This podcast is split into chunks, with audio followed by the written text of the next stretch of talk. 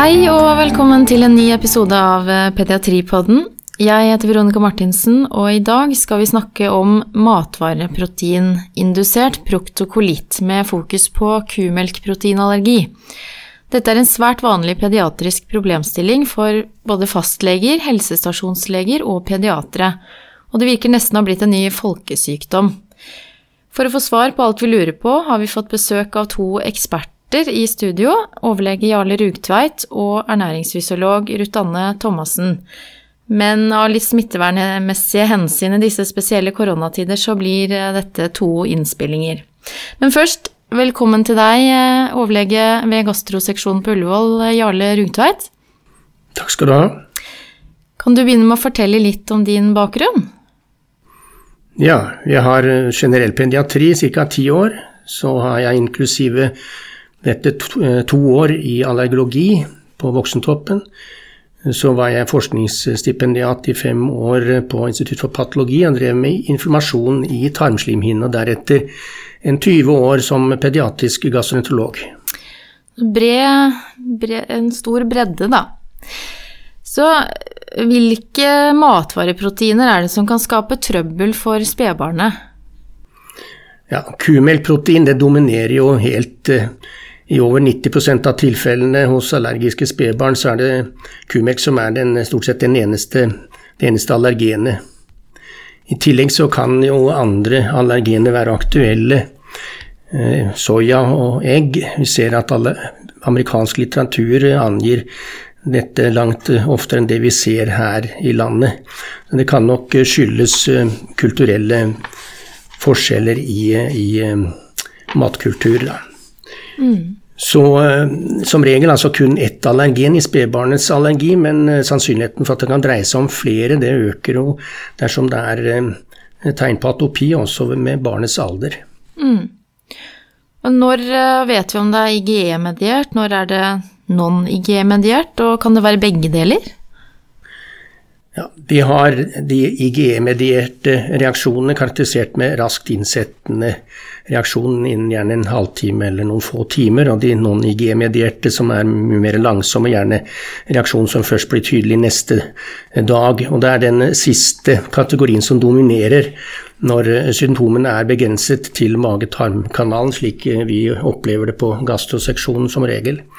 Et eksempel er jo denne eh, food protein induced proctocolitis, eller altså matvareproteininduserte proktokolitt, som da gjerne debuterer allerede mens mor fullammer, og eh, som eh, gjerne da er hos barn som trives utmerket og går fint opp i, i vekt. Kanskje en tredjedel, iallfall 20-30% av de pasientene vi møter med kumelkallergi, presenterer seg slik. Eh, så har vi i denne gruppen av non-IG-medierte allergier en noe forvirrende variant som kalles for food protein induced enterocolitis syndrome. Eh, som kan ha en ganske dramatisk eh, presentasjon, gjerne da en fire til seks timer etter inntak av allergenet. Man kan da se en sirkulasjonspåvirkning og metabolsk acidose. Det kan ligne på et anafylaksitilfelle, men det er altså ikke det. Det er altså ingen IGE-mediert reaksjon. Vi ser få av disse, noen få i året, og det er jo en ting som jeg pleier å henvise videre til eh, da allergipoliklinikken. Det er ganske spesielt. Mm. Vi kan si at vi har et kontinuum mellom de typiske IGE-medierte og de non-IGE-medierte. Eh, og da i den ene ytterkanten da anefaleksi, den andre ytterkanten kan vi si det er den T-medierte eh, cellulære T-cellemedierte responsen som vi ser ved cøliaki, selv om man der også har et innslag av autoimmunitet. Og disse non-IGE-medierte allergien de ligger altså imellom disse ytterpunktene, eh, og de ofte da flyter litt over i hverandre og er ganske uklart avgrenset ofte. De er dels definert av det kliniske bildet, og delvis ut ifra det inflammatoriske infiltratet, som hos noen er dominert av eosinofile celler, de såkalte eosinofile gastroentropatier. Den mest kjente og klarest definerte av disse er jo den eosinofile øsfagitten. Mm. Noen av pasientene med, med non-IGE-mediert allergi, de har jo, og spesielt de med atopi, et visst innslag av IGE-medierte matvareallergier. Dette er jo ikke sjelden å se ved de som har atopisk eksem, og også hos de som har eosinofil øsofagitt. Mm. Det er et komplekst felt, og vi skal snakke nærmere om anafylaksi i en egen episode, og fokusere videre nå på den non-IGE-medierte, da. Når er det vanlig at non-IGE-mediert allergi i mage-tarmkanalen debuterer?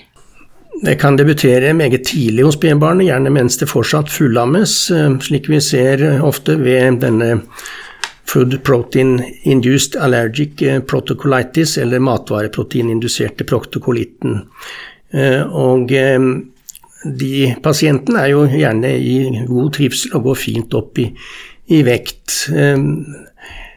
Det er en vanlig presentasjonsform. Det begynner altså tidlig.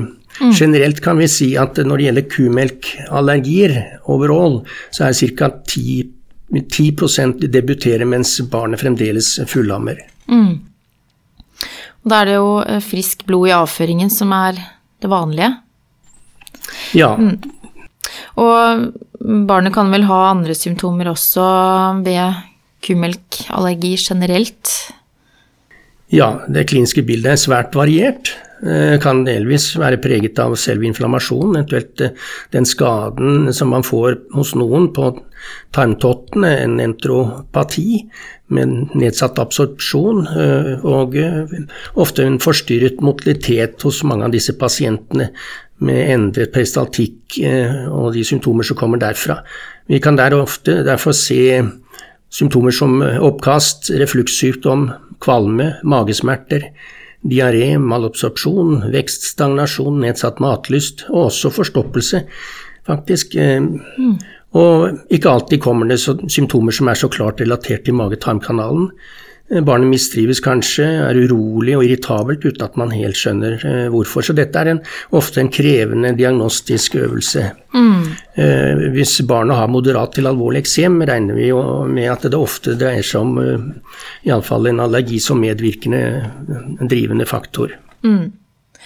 Og ja, kumelkallergi kan jo da, som du har sagt, ha en svært variert uttrykksform med symptomer både fra øvre og nedre deler av mage-tarmkanalen, og ofte veldig diffust. Eh, og det er viktig å stille en presis diagnose, og ikke minst viktig at man ikke overser andre og mer alvorlige tilstander.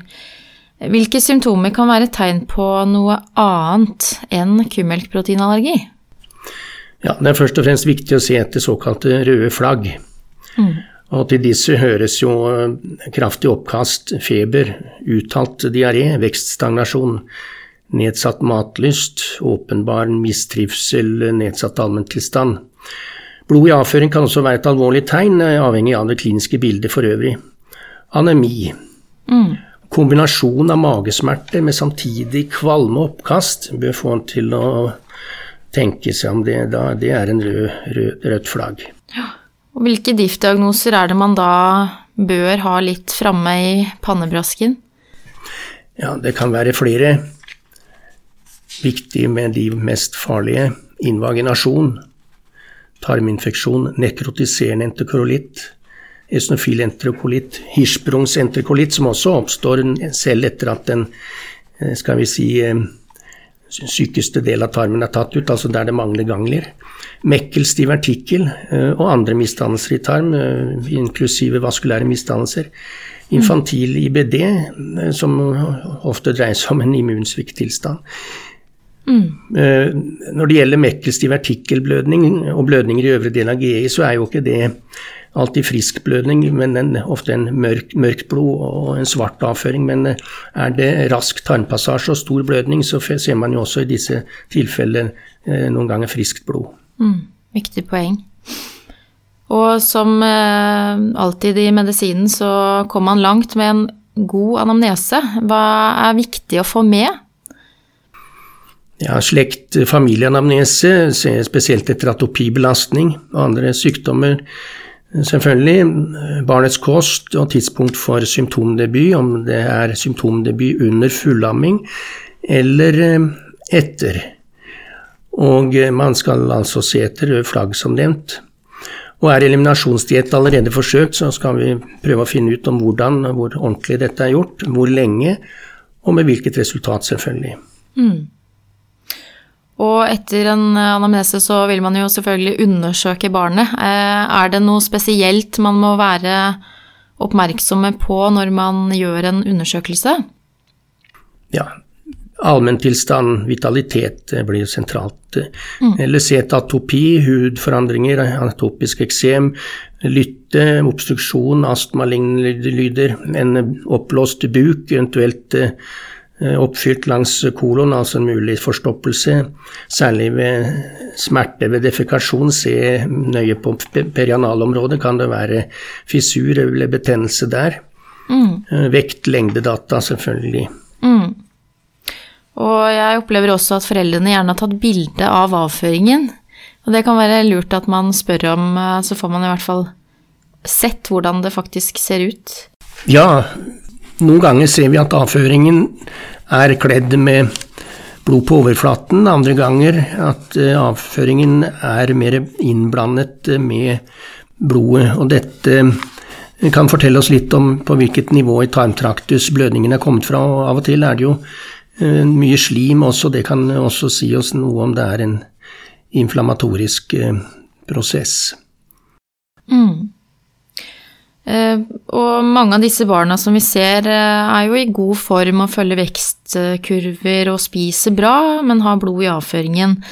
Eh, skal man alltid gjøre altså ytterligere utredning, og når må man eventuelt gjøre noe mer? Ja, ofte er det begrenset nytte av blodprøver, spesielt når det gjelder pasienter på vår seksjon hvor det er primært symptomer fra bare mave-tarm. Men er det mistanke om atopi eller straksallergi, skal vi selvfølgelig gjøre IGE-analyser eller prikktest. Mm. Ellers kan det være aktuelt å se på hematologi, se etter anemi. Etter introduksjonen av gluten så er det jo aktuelt å gjøre cøliakiscreening, selvfølgelig fekaltest hvis man tenker mer alvorlig inflammasjon, IBD, early IBD. Mm. Eh, er det smerter fra en analkanalen, altså defekasjonssmerter, kan man jo også ta en pensel fra analkanalen og dyrke på streptokokker og staffelkokker. Eller så sender man jo gjerne avføring til eh, mikrobiologi hvis det er mistanke om en infeksjon i tarmen, selvfølgelig. Mm. Ved mistanke om mer alvorlig sykdom, så er det jo selvfølgelig da snakk om ofte langt mer omfattende undersøkelser. Ja. Og de barna som man etter en eh, god anamnese og klinisk undersøkelse sterkt tenker at dette er en, si, en ufarlig tilstand, og man tenker det er kumelkproteinallergi, kan man da eh, se an tilstanden uten tiltak? Ja, når det gjelder eh, pasienter med denne matvareproteininduserte allergiske proktokolitten. Fin trivsel, eh, går fint opp i vekt og har litt blod i avføringen. Eh, så utgjør det ca.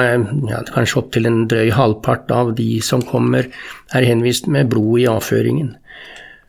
Og de øvrige, iallfall hvis det ikke er ledsagersymptomer, det er ofte snakk om en meget tidsbegrenset periode med blod i avføringen.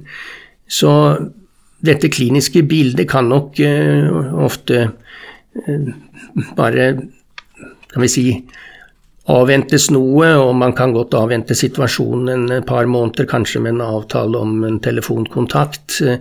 Særlig hvis det er symptomendring eller bedring, eller forverring, selvfølgelig.